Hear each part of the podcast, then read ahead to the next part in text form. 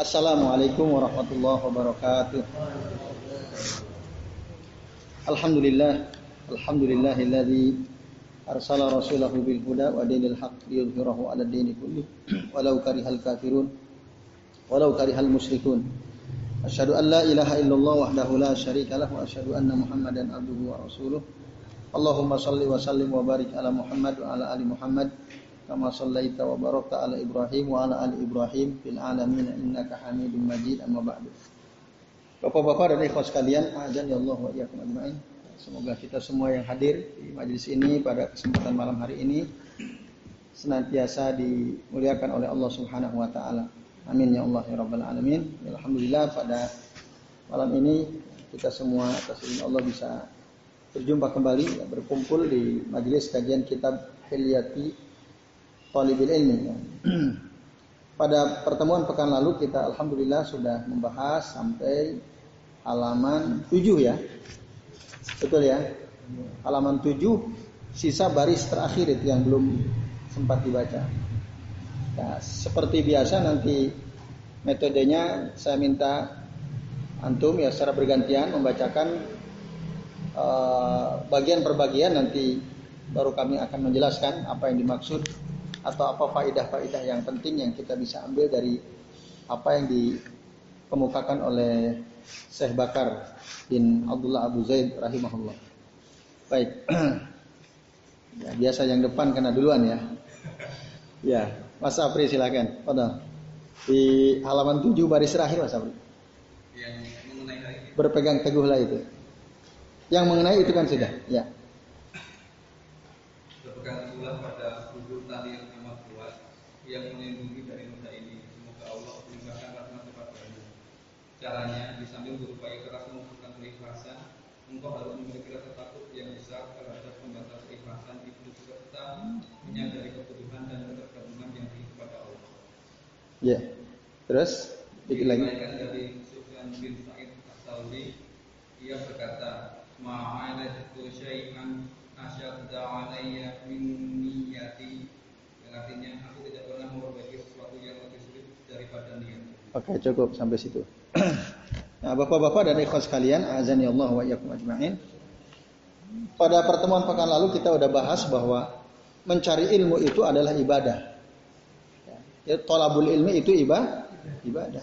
Maka ibadah itu ada syaratnya. Syarat pertama adalah ih, ikhlas lillahi taala kan gitu. Maka pada paragraf ini dijelaskan ya, kita oleh Syekh Bakar bin Abdullah Abu Zaid rahimahullah diminta untuk berpegang teguh kepada tali yang kokoh, yang kuat ya. dari noda, maksudnya noda yang bisa mengotori niat kita dalam tolabul ilmi. Nah, apa yang uh, berpegang teguh kepada apa? Ya, yaitu berpegang teguh, berupaya keras untuk supaya kita bisa mewujudkan keikhlasannya. Bi antaku nama abadlil juhdi fil ikhlas. Itu satu ya. Kita harus berusaha ikhlas cari ilmu itu. Bukan dunia yang kita tuju ya. Bukan karena ingin dibilang oh dia orang alim atau ingin supaya dapat jabatan dan seterusnya ya. Bukan itu. Jadi ikhlas betul-betul kalau menurut Imam Ahmad apa kemarin? Li rofi al jahl min nafsihi wa min ghairihi ya, untuk menghilangkan kebodohan dari dirinya sendiri dan dari orang lain. Kan itu ya kata Imam Ahmad kemarin. Nah, Bapak-bapak dan ikhlas sekalian itu yang pertama. Kita harus jaga ikhlas. Yang kedua, eh, kedua selain itu kita juga harus merasa takut. Jangan sampai ikhlas kita ini batal. Itu. Karena kalau keikhlasan kita hilang, ya sudah, nggak ada dapat apa-apa. Ya. Kita nggak akan dapat ilmu, nggak akan dapat pahala. Ilmu mungkin dapat, hanya sekedar pengetahuan, tapi di mata Allah, di sisi Allah tidak ada nilainya. Nah kita harus takut, jangan sampai ikhlas kita ini batal gitu ya. Nah, kemudian kita harus senantiasa bersandar kepada Allah jadi berdoa kepada Allah supaya Allah tetap menjaga keikhlasan kita Nah makanya dulu ada seorang ulama yang bernama Sufyan bin Sa'id As-Saur rahimahullah beliau katakan apa? Ma'aladtu syai'an asadda alayya min niyati. Jadi aku tidak pernah memperbaiki sesuatu yang lebih sulit daripada niat, ya, niatku. Beliau saja seorang ulama dari kalangan tabi'in yang bernama Sufyan bin Sa'id Ats-Tsauri merasa susahnya bukan main gitu. Menjaga niat, memperbaiki niat. Itu sekali berulama besar, Sufyan Ats-Tsauri. Nah, apa yang kita bisa ambil manfaat faidah dari apa yang dikatakan oleh Sufyan Ats-Tsauri ini? Maka apalagi kita gitu ya. Kita orang biasa itu harus lebih hati-hati lagi, jangan sampai salah niat. Gitu ya. Pokoknya gampang deh niatnya cari ilmu itu untuk apa? Supaya kita ini nggak jahil ya. Kebodohan yang ada pada diri kita bisa diangkat. Begitu juga kita bisa membantu orang lain untuk menghilangkan kebodohan dari diri dari mereka. Dan itu tugas orang berilmu ya. Nanti ada wazifatu talibil ilmnya. Kewajiban orang yang mencari ilmu itu di antaranya adalah roful jahal an ghairihi, menghilangkan kebodohan dari orang lain. Nah ini bapak-bapak dan ikhwas sekalian, makanya kalau orang betul-betul bisa ikhlas, ya, dalam kalau dalam hadis mengatakan man qala la ilaha illallah khalisan min qalbihi fa innahu yadkhulu al jannah wa huwa as'adun nasi bi syafaati bi syafaatin Nabi sallallahu ya, Orang mengatakan la ilaha illallah ikhlas dari hatinya, maka dia akan masuk surga dan pasti akan mendapat syafaat. Dia orang yang paling bahagia karena mendapatkan syafaat dari Nabi Shallallahu Alaihi Wasallam. Nah, di situ ada kata-kata kholison min qalbihi ya. Ikhlas dari hatinya. Nah, semoga kita semua bapak-bapak dan ikhwas sekalian dalam usaha kita mencari ilmu ini betul-betul bisa ikhlas ya. Keikhlasan kita dijaga oleh Allah Taala bahwa kita ingin menghilangkan kebodohan dari diri kita. Jadi itu penjelasan dari paragraf yang barusan dibaca ya. Ya berikutnya monggo Mas Pawikan ada ke kiri ya. Anda udah punya kitab belum ya? Ya. Mana? Diriwayatkan dari Umar bin Jad tanya kepada ayahnya, ayahanda, mengapa orang-orang menangis jika kau nasihati, tetapi tidak menangis jika dinasihati oleh orang lain? Ia menjawab, wahai anakku, ratapan wanita yang ditinggal mati anaknya itu tidak sama dengan ratapan wanita yang lupa. Oke, cukup. Nah.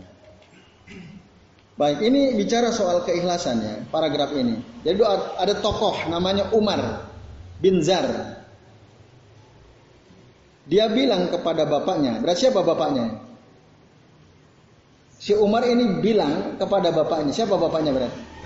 Zar, Zar. Zar ini orang seorang alim, orang ulama, seorang ulama Zar. Seorang ulama. Apa kata anaknya yang bernama Umar tadi? Ya Abi, duhai ayahanda, duhai bapakku, malaka idza wa'adtan nasa akhadhahumul buka. Ya. Mengapa orang-orang nangis kalau engkau nasihati? Jadi Zar ini jago dalam menyampaikan nasihat. Sehingga hampir setiap orang yang mendengar nasihat beliau itu nangis. Kalau tokoh ulama generasi ya termasuk salaf juga sih. Ibnu Al-Jauzi yang nulis kitab Talbisul Iblis atau kitab Al-Maudu'at. Itu beliau betul-betul orator ulum. Kalau ngisi kajian begini, oh itu orang pas sedih gitu, beliau cerita sedih semua nangis. Pas cerita gembira orang semua gembira. Jadi bisa mempengaruhi, ya, mempengaruhi hati dan suasana batin orang-orang yang mendengarnya. Maka Zar begitu. Anaknya nanya kenapa? Jadi kalau engkau memberikan nasihat pada orang-orang, kok orang pada nangis. Tapi kalau orang lain yang ngasih nasihat, orang biasa aja tuh, nggak nangis. Atau kalaupun nangis dipaksa suruh nangis, saya nangis nangis gitu ya. Nanti di setelin musik gitu ya. Nah, nanti yang sedih-sedih, nanti sesegukan nangis. Banyak yang pura-pura itu. Nah itu ya. Nah, jadi kalau dia nggak mampu membuat orang nangis, biasa kalau orang zaman sekarang para trainer gitu kan nyetel ini kan musik gitu ya, yang yang sedih gitu ya. Akhirnya orang bersuara sesegukan, padahal ya sebenarnya nggak sedih gitu ya. Dibuat-buat karena suasananya begitu, dibuat sedih. Ah itu. Tapi emang ada orang yang punya kemampuan seperti itu. Ya, Innal bayan adalah sifran itu kata Rasul. Sesungguhnya penjelasan yang baik itu bagikan sihir. Jadi tidak banyak orang yang seperti itu. Nah kalau dulu yang dikenal itu Ibnu Al Jauzi itu. Sebaliknya Ibnu Taimiyah, Ibnu Taimiyah itu kalau nulis jago, nulis jago. Tapi kalau ceramah nggak jago dia. Beliau kalau ceramah itu mungkin membosankan, ya, gitu ya Ibnu Taimiyah dalam uh, beberapa penjelasan yang kami pernah baca gitu ya. Tapi kalau urusan nulis jagoannya, nah, lalu bapaknya bilang apa? Faqala ya bunayya, wahai anakku, laisatin naihatu as-sakla misla naihatil mustajarah. Ya, itu. Bukanlah, ya, tidaklah sama orang yang menangis yang ditinggal oleh anaknya dengan orang yang menangis Ya, ratapan wanita yang menangis karena dibayar. Tangisan orang yang kehilangan anak dengan tangisan orang yang dibayar sama atau tidak? Beda. Ayo kamu nangis tak bayar per orang 100 ribu menangisi tokoh si pulan gitu ya. Nah, yang lain betul-betul dia memang nangis karena sedih. Itu berbeda. Nah, apa yang dimaksud dengan kalimat ini? Maksudnya ikhwas kalian, Orang yang nasihatin orang lain dari hati itu lain pengaruhnya. Karena dia ikhlas ingin memberikan nasihat kepada orang lain dari hatinya dengan orang yang menasehati orang lain kurang ikhlas, gak ikhlas. Seperti orang yang nangis karena dibayar. Kan ada orang nasihatin, nah, tapi dia nggak ikhlas dunia yang dia kejar, dunia. Nah itu bagi orang yang begitu itu ibarat orang yang nangis karena diupah. Gitu. Maka nasihatnya nggak masuk gitu, nggak nggak. Nah di situ memang kita harus terus belajar bagaimana caranya supaya ikhlas gitu ya. Intinya ikhlas itu pengaruhnya luar biasa, luar biasa. Itu yang ingin dikatakan oleh Syekh Bakar bin Abdullah Abu Zaid ya. Nah itu uh, tapi ya, ini perlu diberi catatan. Oh kalau gitu Syekh Zar ini sombong dong. Jadi dia ngerasa kenapa orang nangis kalau saya nasihati? Gitu kan? Ya karena aku ikhlas nasihatinya. Kenapa orang nggak nangis saat orang lain selain diriku nggak nangis waktu mereka dinasihati oleh orang lain selain dirinya? Itu mereka nggak ingat. Nah ini jangan sampai ada kesan, oh ini Syahzar ini dia sedang memuji dirinya sendiri. Ada kesan gitu ya. Seorang punya kesan enggak. Beliau tidak sama sekali tidak sedang memuji dirinya sendiri. Karena beliau paham betul dalam Al-Quran kan jelas surah An-Najmnya. Fala tuzakku angpusakum wahu ahu a'lamu bimanittaqa. Jadi kalian jangan menganggap diri kalian baik dari kalian suci, Allah lebih tahu siapa yang paling takwa di antara kalian.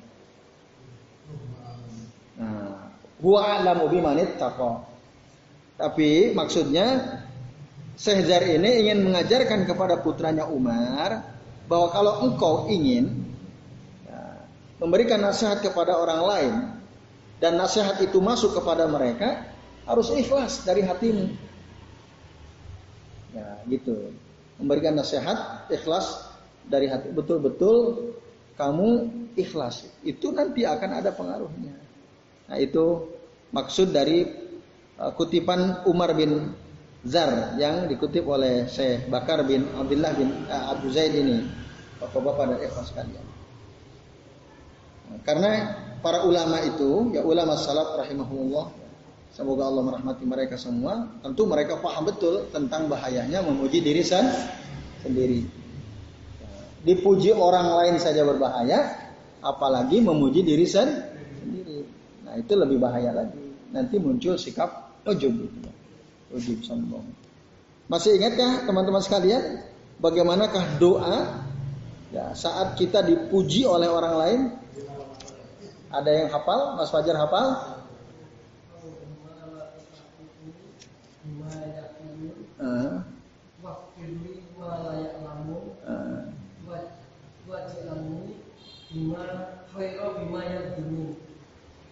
li khairan mimma mimma ya zunnun. Oke, nah barakallahu fiik. Nah itu doanya.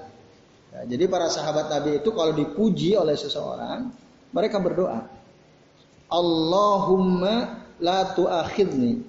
Ya Allah, jangan engkau siksa aku bima yakulun dengan apa yang mereka katakan tentang diriku ya. Oh si Fulan ini hebat. Oh kamu itu mantap, bagus dan seterusnya. Nah itu jangan sampai karena omongan orang tentang diri kita lalu Allah ajam kita. Kok bisa kita diajak? Karena kita ujub muncul kesombongan dalam diri. Wah siapa dulu? Aku kan itu. Nah, maka itu doanya. Jangan sampai kita sombong dipuji orang.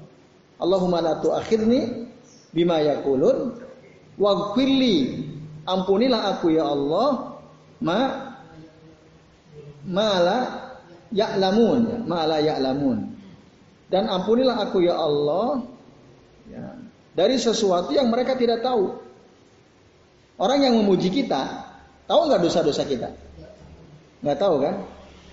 Padahal ternyata dosa kita, keburukan kita jauh lebih banyak daripada apa yang mereka tahu. Mereka tahunya kita bagus, kita begini-begini. Padahal dosa-dosa kita itu jauh lebih banyak. Keburukan kita jauh lebih banyak.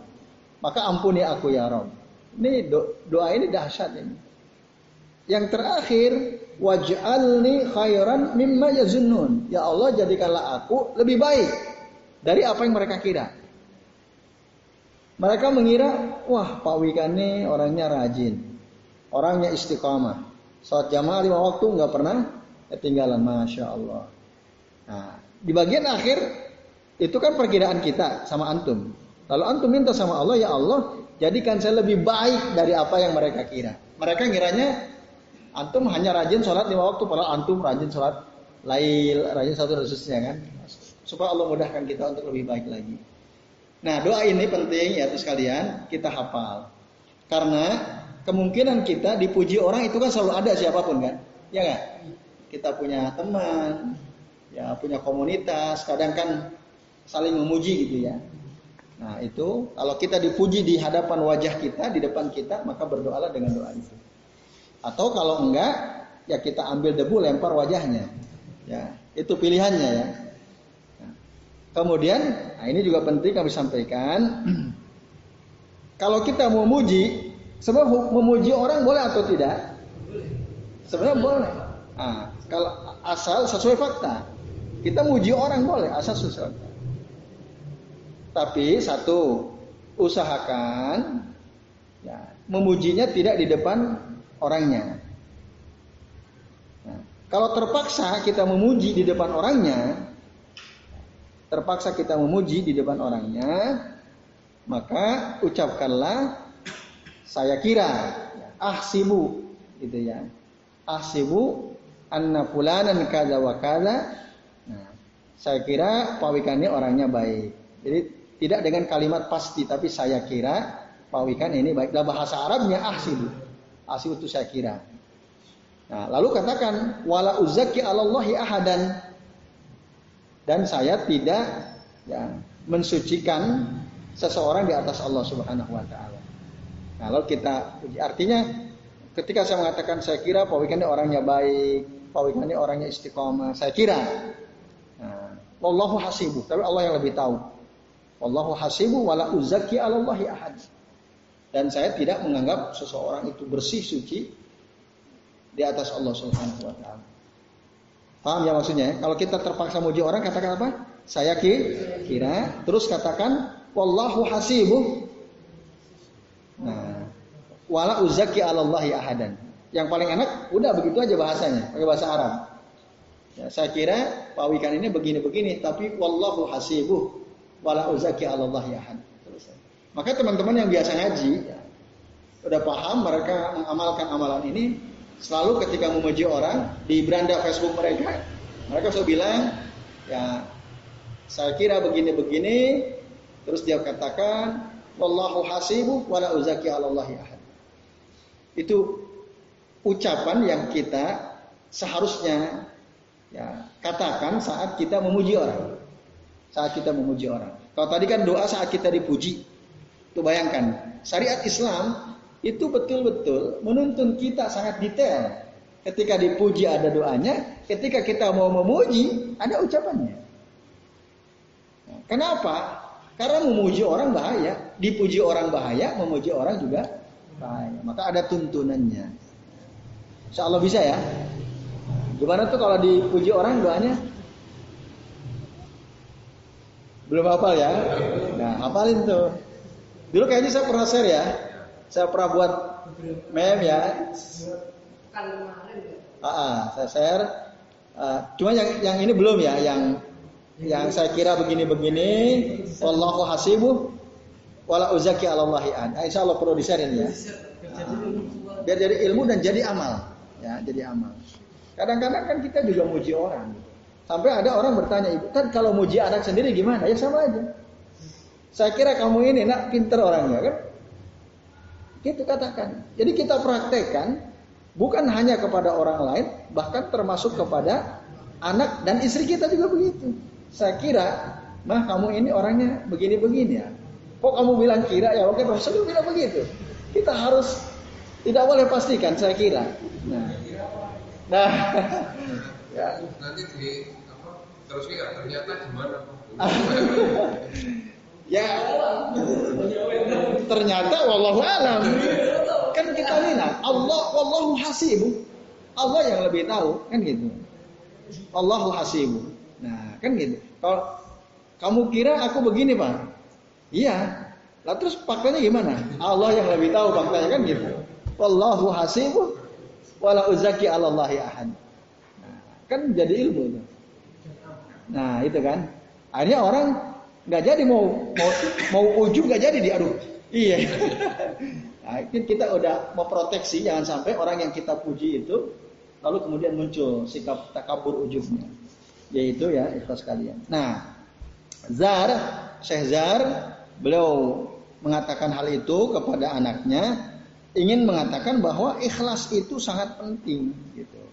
Karena ikhlas Ya, dalam melakukan segala sesuatu itu pengaruhnya luar biasa. Sebagaimana seseorang ikhlas dalam memberikan nasihat, maka itu juga akan terasa. Ya. Oke, baik.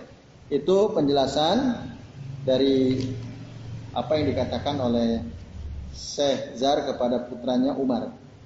Ya, tonton berikutnya Mas Badar. Semoga Allah menolongmu agar senantiasa jalan dua sifat yang mengajukan dua kebaikan yaitu dunia dan akhirat adalah cinta kepada Allah dan Rasulullah, Rasulnya. Perwujudannya adalah berupaya mengikuti ajaran dan jejak al-maksum Rasulullah SAW secara murni. Allah berfirman, Qul in kuntum tuhibbunallah fattabi'uni yusbihkumullah wa yaghfir lakum dhunubakum katakan jika kamu benar-benar mencintai Allah maka ikutilah aku niscaya Allah mencintaimu dan mengampuni dosa-dosa surat Al-Imran ayat 31 Oke. Sebentar. Uh, ya sampai situ dulu ya. Baik. Nah jadi kata saya Bakar ya bin Abdullah Abu Zaid dia mengatakan Ya. Yang pertama kan ikhlas tuh. Tolabul ilmi itu harus ikhlas. Niatnya harus ikhlas lillahi ta'ala. Ini bicara tentang faktor yang kedua ya, syarat ibadah. Maka beliau doakan wafaqakallahu lirusdika amin ya. Semoga Allah menolongmu agar senantiasa berada di jalan yang, yang lurus. Ya. Nah, yang kedua ini apa? Yang kedua adalah cinta Allah dan cinta Rasulnya. Gitu ya. Inilah sifat yang bisa menggabungkan memadukan kebaikan dunia akhirat. Bagaimana bentuk cinta kepada Allah dan Rasulnya itu?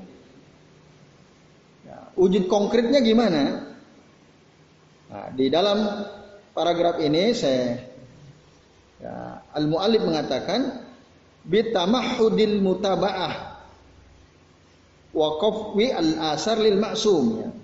yaitu dengan mengikuti ajaran dan jejak Rasul sallallahu alaihi wasallam al-maksum ya.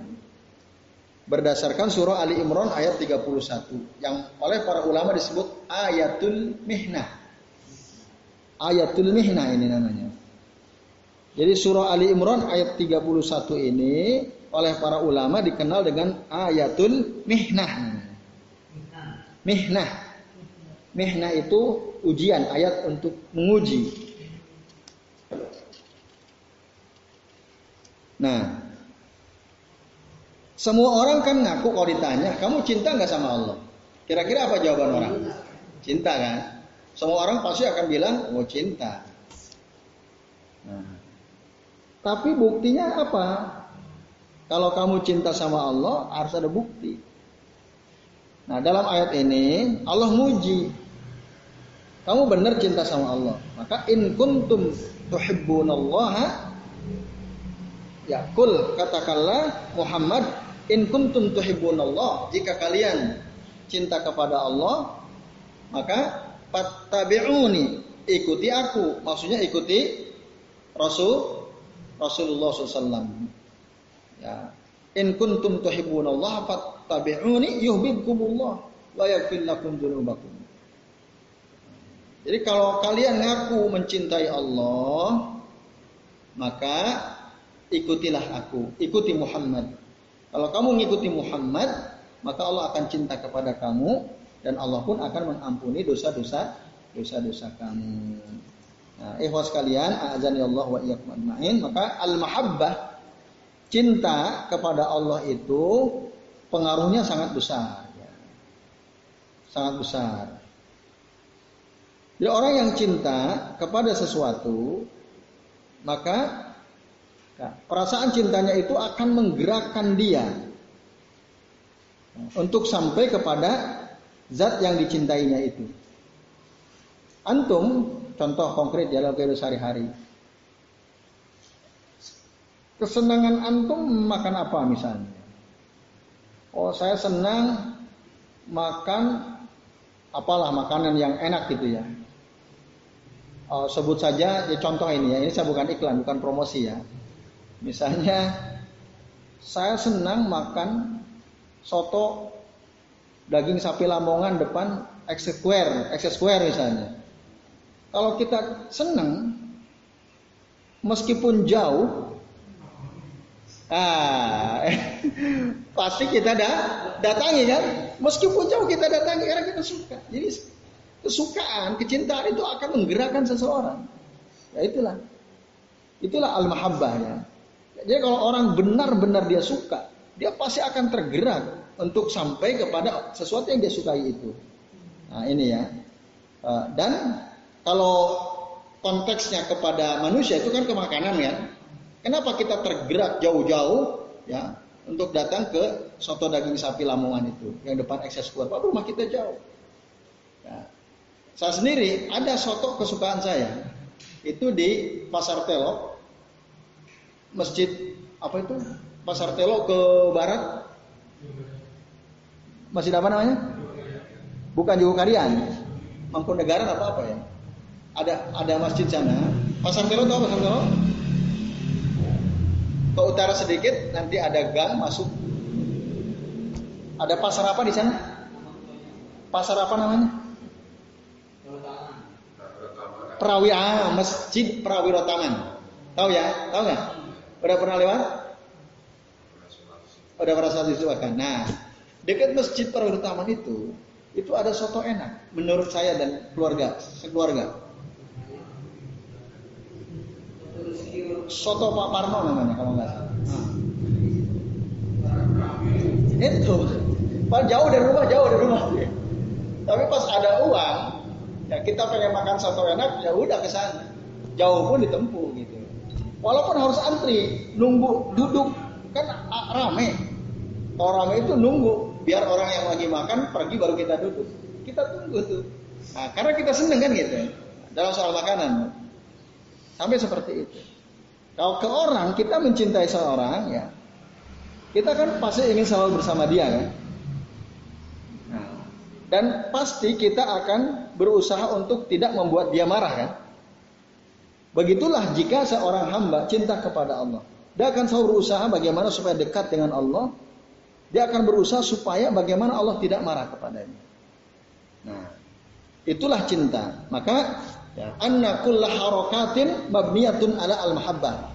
Kata Ibnu Qayyim. Sesungguhnya setiap gerakan seseorang itu pondasinya adalah cinta. Orang tergerak antum yang sudah nikah bekerja ya yang menggerakkan antum untuk bekerja bahkan lelah pun antum tetap kerja karena apa memperjuangkan orang yang antum cintai kan ya istri antum anak antum kan gitu coba kalau antum nggak cinta sama istri anak antum ngapain kerja? Tinggalin aja nggak usah kerja kan gitu. Nah gitu ya.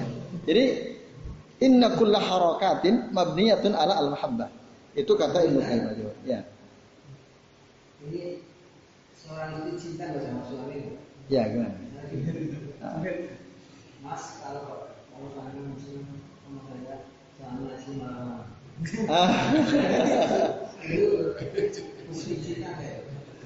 Mas kalau sampean cinta kepada aku. Ah. Ah. Oke, baik, terima kasih. Ya, tentu kalau kita pahami dalam konteks yang lain, iya, itu bentuk kecintaan dia kepada suaminya. Iya, iya. Karena khawatir kalau suaminya sering keluar malam, nanti sakit, masuk angin. Kalau udah masuk angin, sakit, kan kasihan dia sama suaminya. Iya kalau hanya masuk angin. Lah kalau bablas, nah, kan? Jadi dilihat dari konteks yang lain, ya itu itu bentuk kecintaan istri kepada seorang suami gitu. Cuma mungkin perlu dijelaskan. Ya. Jadi saya keluar malam menghadiri majlis ilmu dalam rangka ibadah. Nah, masa sih kamu melarang-larang suami beribadah? Kan kalau aku ngerti sikapku kepadamu juga akan lain kan gitu. Nah, mungkin karena belum sampai pengetahuannya terhadap pentingnya ilmu, maka itu yang disampaikan. Bisa jadi begitu, ya. Nah, tapi yang jelas, ya itu ekspresi ekspresi kecintaan seorang istri kepada suaminya. Dia nggak mau suaminya sakit, makanya supaya nggak sakit, jangan keluar malam. Apalagi suaminya usia sudah 60 65 tahun ya. Oh, ya gitu. Ya itu mana sih ya? Insya Allah, insya Allah seperti itu. Waktu sama keluarga ke Pakarno, Ah, ternyata ah, tutup, ah, cuma besar. ya. Apa itu? Saking senangnya ke soto itu ya.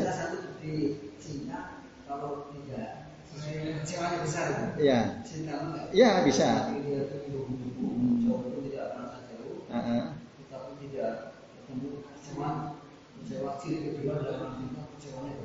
Ah. Cinta- Udah jauh-jauh datang kok nggak ada gitu ya. cinta berat kecewa berat. Tambah itu. Ya bisa, boleh tambahan itu ya. Dicatat, dicatat ya. Oke, baik. Ya, terima kasih Pak Nasirnya. Nah, jadi itu ya, ikhlas kalian, azan ya Allah wa iyyakum. Itu jadi penting cinta. Nah, mana bukti cinta kita kepada Allah? Kan tadi tolabul ilmu itu harus ikhlas lillahi ta'ala kan? Itu syarat pertama kan? Nah, betul-betul karena kecintaan kita kepada Allah, kita ikhlas sama Allah, kita menuntut ilmu karena perintah Allah. Maka dalam syarat yang kedua ini, nah kalau kita cinta kepada Allah, maka buktinya apa? Nah, buktikan bahwa kalau memang dirimu cinta kepada Allah, maka ikutilah Rasul Rasulullah. Zahiran wa batinan. Baik secara zahir maupun secara secara batin. Nah, itu. Kenapa? Li'annal habiba yuqallidu mahbubahu hatta fi umuri dunia. Karena orang yang mencintai itu pasti akan mengikuti orang yang dicintainya sampai dalam urusan-urusan dunia. Ya. Maka kita lihat para sahabat misalnya uh, siapa Abdullah bin Abbas radhiyallahu anhu radhiyallahu anhu. Saking cintanya kepada Rasul, beliau perhatikan sendal Rasul itu seperti apa diikuti. Bentuknya dibuat mirip seperti sendal Rasul. Ya, bahan dasarnya juga diambil dari bahan dasar seperti sendalnya Rasul. Itu saking cintanya. Maka kita itu ya. Ada sebagian orang seperti itu. Nah, kecuali mungkin nanti ada pertimbangan lainnya. Tapi yang jelas para sahabatku karena cintanya kepada Nabi, Sebagian dari mereka mengikuti semua apa yang nampak pada diri Nabi secara zahir. Bagaimana bagaimana Nabi berbicara, bagaimana Nabi berjalan itu diikuti, bagaimana Nabi ber, berpakaian di, diikuti. Nah, itu bukti kecintaan seseorang kepada Nabi Shallallahu Alaihi Wasallam. Jadi mutabaah zahirat wa batinan. Nah, kemudian di zaman sekarang juga begitu kata kata saya Bakar ya. Beliau kasih contoh ya, eh, kata saya Muhammad bin Saleh Utsaimin ya. Beliau kasih contoh di zaman kita sekarang ya, kita melihat ada murid-murid dari Syekh Abdurrahman bin Nasir As-Sa'di rahimahullah atau yang dikenal dengan Syekh As-Sa'di ya, Syekh As-Sa'di. Beliau punya kitab tafsir judulnya apa? Tafsir As-Sa'di. Bukan, tafsir As-Sa'di. Beliau menulis kitab tafsir. Bukan, saya Abdul Rahman bin saya Abdul Rahman bin Nasir As-Sa'di. Ah, Taisir Kalamil Mannan fi tafsir uh, Taisir Kalamil Mannan uh, tafsir Ah, apa lupa saya lanjutannya ya. Lalu yang kemudian dikenal dengan tafsir As-Sa'di. Nah, As-Sa'di ini muridnya banyak. Muridnya cinta kepada beliau. Beliau ini kalau nulis tulisannya lebih parah daripada dokter. Tulisannya lebih parah daripada tulisan dokter. Bisa bisa dong maksudnya kan? Susah dibaca gitu. Ah, susah dibaca. Tapi ada sekian muridnya, saking cintanya kepada Syekh Sa'di, cara nulis beliau pun ditiru. Saking cintanya. Nah, itu ya. Ditiru gimana sih saya itu nulis? Nah, padahal kita baca aja bingung. nah, itu. Ada ya orang-orang yang seperti itu. Ya. Tapi tentu saja kita dalam mencintai orang ya tidak boleh dulu gitu ya. Tidak boleh berlebih-lebihan. Nah, Begitu juga mencintai Rasul nggak boleh berlebihan. Kita nggak boleh. Ah, nanti jadi syirik mahabbah. Itu jangan sampai bahkan kepada Nabi sekalipun kita tidak boleh ya, mencintai secara berlebihan. Lalu kita puji-puji secara berlebihan. Maka muncul sholawat macam-macam itu. Kata mereka ini ekspresi kecintaan kami kepada beliau. Jadi cinta. Ya cinta itu it, ngikutin Nabi. Kalau Nabi nggak begitu, mereka juga nggak begitu kan gitu harusnya. Kalau Nabi melakukan sesuatu, ikut melakukan sesuatu. Kalau Nabi tidak melakukan sesuatu, ya mereka. Kalau kita ngaku cinta sama beliau, maka kita pun tidak melakukan sesuatu yang tidak dilakukan oleh oleh Rasulullah kan itu. Nah, itu disebut ittiba itu ya. Nah, Bapak-bapak dan ibu sekalian, Ah ya, kalau ngaku cinta tapi enggak ittiba berarti cintanya cinta palsu gitu ya. Ya jelas ya. Jadi syarat kita dalam menuntut ilmu di mana menuntut ilmu adalah ibadah harus ittiba kepada nah, Nabi. Gimana cara mencari ilmu ittiba kepada Nabi? Nah, nanti akan dijelaskan ya pada halaman-halaman berikutnya yang jelas bagaimana Nabi ya, mengajarkan sahabat dalam tolabul ilmi dan seterusnya. Yaitu, nah itulah syarat kita dalam mencari ilmu. Jadi harus ikhlas. Yang kedua harus ittiba kepada Nabi Shallallahu Alaihi Wasallam. J itu ya. Sampai mana tadi Pak Wikan? Eh, Mas Fajar ya. Ah, Ali Imran ayat 31 ya. Oke, baik. Dua paragraf di bawahnya. Pak Nasir? Ah, ringkasnya itu. Ya, ringkasnya bila fondasi dalam wilayah ini. Kedua poin di atas berkedudukan seperti mahkota dan bangsa besar. Oke? Ya. Wahai para penuntut ilmu, kalian sekarang butuh menerima pelajaran dan berada di forum paling mulia, yaitu majelis menuntut ilmu. Maka saya berpesan kepada kalian dan kepada diri saya sendiri agar bertakwa kepada Allah SWT baik dalam keadaan sendiri maupun di hadapan orang banyak insya Allah. Itulah perbedaan sejarah dan landasan seluruh keutamaan dan pelabuhan semua hal terpuji ia juga merupakan pemicu kekuatan tangga menuju keinginan dan pengikat hati yang kuat dari daya tarik godaan maka jangan kalian lakukan. Ya, terima kasih. Syukran Pak Nasir. Barakallahu fikum. Nah, ini ya ikhlas kalian. Jadi pada paragraf ini saya Bakar bin Abdullah bin Zaid beliau ingin menegaskan jadi setelah kita berusaha ikhlas berusaha ittiba kepada Nabi ya, pada poin ini beliau ingin menegaskan jadi kalau kita sedang duduk mencari ilmu maka hal penting yang tidak boleh dilupakan adalah berusaha bertakwa kepada Allah bertakwa kepada Allah baik ketika kita sendirian maupun ketika kita berada di hadapan orang lain ini bekal ya. Jadi orang nuntut ilmu itu harus berusaha takwa. Itu intinya. Artinya apa? Ilmu itu diamalin sebagai usaha untuk meningkatkan ketakwaan. Orang, ya, kalau dia bertakwa, maka Allah akan kasih ilmu. Nah itu ya.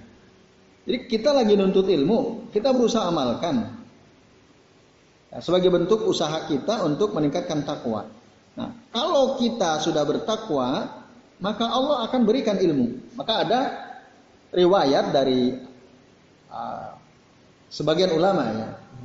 Man amila bima alima allamahu allamahullahu bima lam ya'lam. Barang siapa yang mengamalkan ilmu yang sudah dia ketahui, man amila bima alima. Barang siapa yang mengamalkan ilmu yang sudah dia ketahui, allamahullahu bima lam ya'lam. Allah akan ajarkan kepadanya ilmu yang dulunya sebelumnya dia nggak tahu. Ya Allah kasih ilmu. Ini kemudian dikenal dengan ilmu laduni. Ilmu yang langsung Allah kasih kepada kepada kita. Nah, itu ada perkataan dari ulama. Nah, itu berangkat dari ayat ini. Ya ayyuhalladzina amanu in tattaqullaha yaj'al lakum furqana dasarnya adalah surah Al-Anfal ayat 29. Yang tadi itu. Barang siapa yang mengamalkan ilmu yang dia ketahui, maka Allah akan ajarkan kepadanya ilmu yang belum dia ketahui. Berdasarkan apa? Surah Al-Anfal ayat 29. Surah Al-Anfal ayat 29. Bagaimana bunyinya tadi? Ya ayyuhalladzina amanu, hai orang-orang yang beriman, in tattaqullaha kalau kamu bertakwa kepada Allah yaj'al lakum furqana. Maka Allah akan jadikan untuk kalian furqana. Apa itu furqan? Kemampuan untuk membedakan. Nah ini al-qudrah litafrik ya furqan itu. Kemampuan untuk membedakan. Jadi hatinya ini gampang banget membedakan. Oh ini al-haq, oh ini al-batil. Oh ini al-dhar, ini an-nafi. Oh ini berbahaya, oh ini bermanfaat. Oh ini at-ta'ah, ini al-maksiyah. Oh ini ketaatan, ini kemaksiatan. Oh ini aulia Allah, oh ini aulia syaitan. Oh, orang ini wali-wali Allah, ini wali-wali syaitan. Dia peka. Oleh Allah diberikan kepekaan, ilmu. Jadi nggak mudah tertipu orang yang bertakwa itu. Nah itu maka yaj'al lakum furqana. Itu. Ya. Itu. Jadi dahsyat. Ya, Bapak sekalian, yang ngomong ini siapa? Allah Subhanahu wa taala. Allah yang akan menjadikan kemampuan kepada kita untuk membedakan dan ini artinya Allah akan membuka kepada dia ilmu-ilmu yang dengan ilmu itu memudahkan baginya ya, untuk membedakan tadi. Sehingga dia akan terus mendapat ilmu dari Allah Ta'ala. Lalu wataratan yahsululahu hadal furqan bima yulkihillahu fi qalbihi minal firasa. Kadang-kadang ya, kemampuan untuk membedakan ini Allah berikan kepada seseorang dalam hatinya berupa firasat. Al-firasah dalam Islam itu ada. Firasat, al-firasah. Bukan filsafat, firasat, ya. Jadi seseorang punya firasat, oh, ini jangan deh. Ini aja. Ah, mungkin feeling, walaupun mungkin derajatnya lebih rendah daripada firasat. Nah itu. Nah begitulah orang yang mengamalkan ilmunya, orang yang berusaha untuk bertakwa, nanti Allah akan kasih dia kemampuan untuk membedakan, Allah akan kasih dia ilmu disebut ilmu laduni itu, dan Allah akan ya, kadang-kadang Allah akan memberikan firasat pada hatinya. Ya, ada firasat gitu dalam hatinya. Apakah firasat itu ada? Ada. Bahkan dalam hadis Nabi SAW, hadis sahih Imam Bukhari ya, dari Abu Hurairah radhiyallahu anhu. Kata Nabi apa? Laqad kana fi man kana qablakum min bani Israel.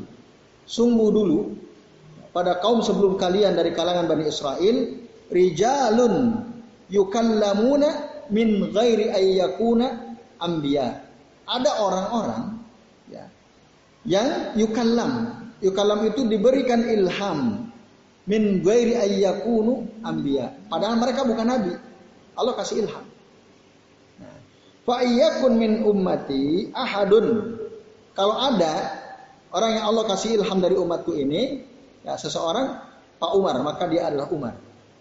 Maka dia adalah Umar ibn Khattab radhiyallahu anhu hadis Rawi Al-Bukhari.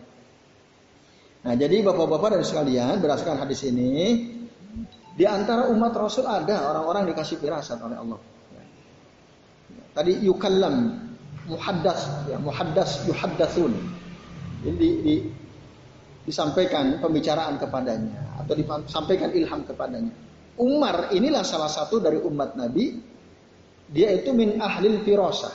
Ya, kalau dia ngomong selalu dibenarkan Quran. Ada banyak peristiwa disampaikan oleh Umar dan oleh Allah dibenarkan. Kenapa? Karena Umar udah punya firasat duluan. Nah itu. Tapi umat Rasulullah itu ya lebih sedikit daripada umat nabi-nabi sebelumnya yang oleh Allah diberikan ilham. Ahlul firasahnya sedikit. Makanya Rasul pada zaman beliau masih hidup aja hanya menyebutkan kalau itu ada seseorang di antara kalian dari umat ya Umar itu orang. Padahal kan sahabat banyak. Kalau dulu zaman Bani Israel disebut rijalun. Ya, orang-orang. Nah itu. Tapi ada gitu, ada orang yang seperti itu dia diberikan firasat pada hatinya kemudian dengan firasat itu dia benar apa yang dia katakan. Nah ini bapak-bapak dan ibu sekalian itu hadisnya sahih ya riwayat Imam Bukhari dari Abi Hurairah radhiyallahu anhu. Nah kemudian yang disebut yaj'al lakum furqana Allah akan menjadikan bagi kalian ya, kemampuan untuk membedakan itu yasmalu biwasailil ilmi wa ta'allum termasuk di dalamnya ya, dengan sarana ilmu dan belajar dengan sarana ilmu dan belajar jadi orang dengan punya ilmu belajar ilmu itulah dia bisa membedakan ya mana yang benar mana yang nggak benar mana yang keliru mana yang nggak keliru ya, mana yang salah mana yang benar Coba orang nggak punya ilmu, tahu dia dia, oh dia sholatnya itu salah sebenarnya. Tapi dia, dia orang itu nggak punya ilmu. Bisa nggak dia bedakan? Oh sholat saya benar, sholat saya salah. Nggak bisa. Tapi kalau kita udah punya ilmunya, kita udah belajar misalnya kitab Bulughul Maram tentang sifat sholat Nabi. atau kitabnya Syekh Al-Albani tentang sifatus salatin Nabi. Kita bisa tahu, oh ini orang belum pas nih sholatnya. Oh ini orang belum sesuai sunnah. Gitu ya. Ya contoh misalnya ada orang selesai sholat, salam, lalu dia mau sholat rawatib dia.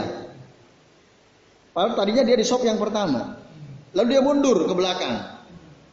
Kira-kira ini benar apa enggak? Karena kita udah tahu ilmunya, kita katakan salah dia. Kenapa? Karena Rasul mengatakan, Ida sholat ahadukum falyadnu ila sutratin. Apabila salah seorang di antara kalian sholat, maka mendekatlah ke sut, ke sutra. Eh ini kok malah ke belakang? Kan kita jadi tahu kan, oh ini gak bener nih. Harusnya yang bener dia kalau mau sholat mendekat ke sutra. Kan gitu. Coba kalau orang nggak punya ilmu kan dia nggak bisa bedain mana yang benar, mana yang nggak benar, mana yang sempurna, mana yang nggak sempurna. ya. Sekalian, kalau yang sutra itu nanti bisa sudah mau kan biasanya kalau surat batu kan di sunahkan tidak tepat. Iya. Nah, misal tidak tepat tapi sudah ada bisa untuk sutra itu gimana? Tiang Boleh, boleh. Ah, nah mendekat ke sutra itu tidak harus di depan, bisa di tengah. Kalau di tengah ada tiang, bisa di belakang. Ya. Boleh juga kita mundur deh ke belakang karena memang seutama-utamanya kita sholat di tempat yang berbeda kan. Kita mundur ke belakang. Kita bawa tas atau bawa apa, ya kita letakkan tas di depan kita sebagai sutra. Boleh. Masalah itu kalau menentukan tapi tidak pakai sutra. Nah itu, nah, itu yang bermasalah. Nah kita bisa bedakan karena udah sampai ilmu kan kepada kita. Itu, nah, itu ya teman sekalian. Jadi uh, kemampuan untuk membedakan itu ya, bisa lewat wasilah ilmu dan al ilmu wat ta'allum ya. Al ilmu wat wat ta'allum. Nah terus iwas sekalian lanjutannya. Wa yukaffir ankum sayyiatikum wa yaghfir lakum. Nah ini ya. Jadi orang yang takwa itu berdasarkan surah Al-Anfal ayat 29 ada tiga faidahnya. Ada tiga keuntungan yang akan dia dapatkan. Satu lakum furqana. Orang yang betul berusaha takwa itu, Allah akan berikan kepada dia kemampuan untuk membedakan. Alias dia punya ilmu. Yang kedua, wa yukaffir ankum sayyiatikum. Allah akan hapuskan darinya dari kalian kesalahan-kesalahan kalian. Dan yang ketiga wayaghfir lakum. Allah akan ampuni dosa-dosa kalian. Itu orang yang takwa.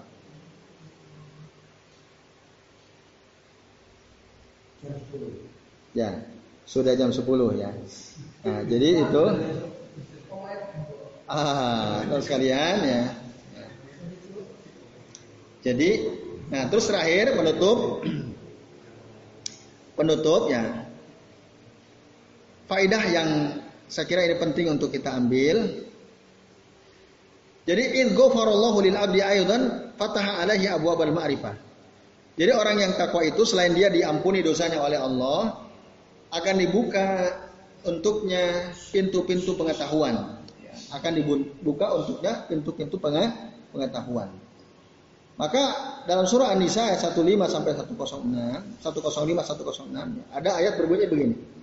Inna anzalna ilaikal kitaba bil haq. Sesungguhnya kami turunkan kepada engkau Muhammad Alkitab atau Al-Quran dengan kebenaran litahkuma bainan nas. Ya, supaya kamu ya, menghukumi menetapkan hukum antara sesama manusia bima arokallah. Nah, ada kata-kata bima arokallah. Dengan apa yang Allah perlihatkan kepadamu. Nah ini kalau Nabi itu disebut hidayah, disebut apa? Wahyu, ya wahyu bima Allah. Kalau kepada kita itu disebut ilham. Ya. Maka walatakun lil khainina khasima. Janganlah kamu karena membela orang-orang khianat lalu kamu ya menentang orang-orang yang tak bersalah. Wastagfirillah dan mohonlah ampun kepada kepada Allah catatan dari saya Al Utsaimin terhadap ayat ini, Bapak-bapak dan ibu sekalian ya, orang yang dianggap berilmu, lalu kemudian dia dimintai fatwa. Ada orang minta fatwa. Eh, pulan, kalau gini gini gini gini gimana? Lalu kita sampaikan fatwa kepadanya. Nah, jangan lupa dia beristighfar kepada Allah. Gitu. Maka tadi dalam ayat 106-nya wastagfirillah. Setelah memberikan keputusan hukum di antara manusia, mohonlah ampun kepada kepada Allah. Nah, sebelum bahkan kalau kata-kata saya begini, yang bagi lil insani an aida ustuftiya an yuqaddima istighfar istighfarullah hatta yatabayyana lahu al-haq au hatta yubayyana lahu al-haq. Seharusnya bagi seseorang itu ketika dia dimintai fatwa, nah, dia mendahulukan istighfar mohon ampun kepada Allah sehingga dia bisa menjelaskan ya kebenaran kepada orang yang bertanya tadi. Kenapa? Karena dalam ayat tadi ada kata-kata litahkuma summa qala. Untuk memberikan keputusan hukum, kemudian di awal ayat 106 Allah mengatakan istighfirillah. Mohonlah ampun kepada Allah. Ini faedah penting saya kira yang dikemukakan oleh Syekh Al Utsaimin ya ketika menjelaskan pentingnya takwa dari Syekh Bakar bin Abdullah Abu Zaid rahimahullah. Jadi saya kira ini Bapak-bapak dan ikhwas sekalian ya. Jadi sampai halaman berapa ini? Halaman 9 ya. Nah, ya insya Allah dengan takwa itu kita akan bisa menghindari fitnah. Maka tadi jangan dilalaikan takwa itu. Takwa tadi ya berusaha mengamalkan ilmu yang kita sudah ketahui. Amalkan ilmu. Jadi dapat doa ini, doa itu dalam majelis ilmu ya catat, amalkan. Catat, amalkan. Ya, susah. Mohon maaf tadi Mas Fajar ya. Saya belum sempat. Doa yang tadi saya sampaikan di majelis kajian tafsir. Udah dapat belum? Ah, ya nanti. Ya. Ya baik, insya Allah nanti kita ini ya. Ah. Ya. Supaya tadi bisa jadi amal, amal. Antum udah hafal belum? tadi pagi itu. Biar antum nanti pulang tidak dibacok orang PKI. kan orang-orang yang besar-besar itu ya yang kita baca di berita. Kan itu ada doanya itu ya. Supaya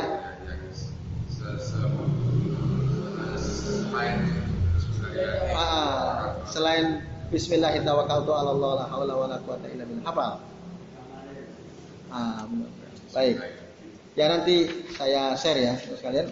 Jadi penting, jadi kita kita yang sering keluar rumah, apalagi untuk tolabul ilmi ya mencari ilmu, mungkin saja ada halangan gitu ya, ada musibah, ada orang tidak suka ke kita.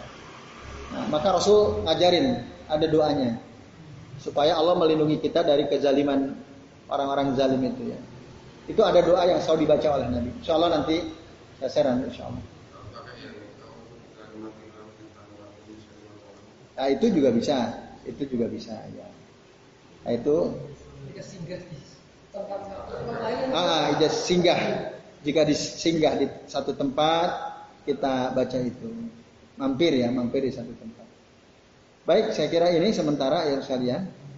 Udah jam 10 pas. Ini Pak Nasir katanya mau segera pulang gitu ya. Ya, nggak sebelum Mas sambil nunggu beliau mengumpulkan kekuatan. Nah, adakah yang mau ditanyakan kawan sekalian? Atau sudah jelas? Sudah jelas ya? Baik, alhamdulillah. Nah, berarti ingat-ingat tadi ikhlas, terus apa? Ittiba Rasul, kemudian berusaha takwa, urusan takwa. Nah, terus tadi doa, doa apa yang antum dapat malam ini? Coba. Doa apa yang antum dapatkan malam ini? Doa ketika dipuji orang. Terus apa lagi? Ucapan yang harus diucapkan ketika akan memuji orang. Gimana coba? Nah, saya kira. Ah, saya kira. Uh, terus? Wallahu hasibu. Wallahu hasibu. Terus? Wala uzaki alallahi ahadan. Oke, nanti di share ya. Yang, yang bagus sih dicatat sebenarnya ya. Ya. Ya. Ah, itu, ah, itu doa ketika dipuji ya. Ya, ada yang berhasil nyatat atau tidak? Tidak ya?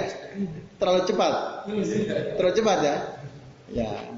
Ya, itu itu kan hal-hal penting tadi yang kita sudah bahas itu ya. Atau jangan-jangan karena saya mengatakan nanti di share, ah nggak usah dicatat, oh nanti di share. nah, itu kesalahan juga itu. Apa? Oh gitu ya. Nanti di setel lagi, Ah, setel lagi rekamannya. ah gitu ya. ya. Pas lagi. Ya. Jadi di sini jadi lebih tahu lagi. Oke deh. Ya, ya alasan lah alasan. Alasan supaya supaya nggak perlu nyatat gitu ya. Oke deh. Tapi yang tadi seutama-utama tentu dicatat ya. Sehingga nanti ketika di share antum tinggal ngakurin oh ternyata apa yang saya catat sesuai gitu. Jadi saya kira ini jadi share-share itu bonus. Kalau ada alhamdulillah kalau nggak ada ya sudah kan gitu. Nah, jadi, saya kira itu ya sekalian yang kita bisa bahas semoga bermanfaat. Eh, sebelum waktu saya kembalikan ke Mas Apri selaku pembawa acara. Saya cukupkan sampai di sini. Saya mohon maaf bila ada kesalahan. Ya wasallallahu ala Muhammadin wa ala alihi wa sahbihi wa baraka wa alaihi. Billahi taufiq wal hidayah. Wassalamualaikum warahmatullahi wabarakatuh. Waalaikumsalam.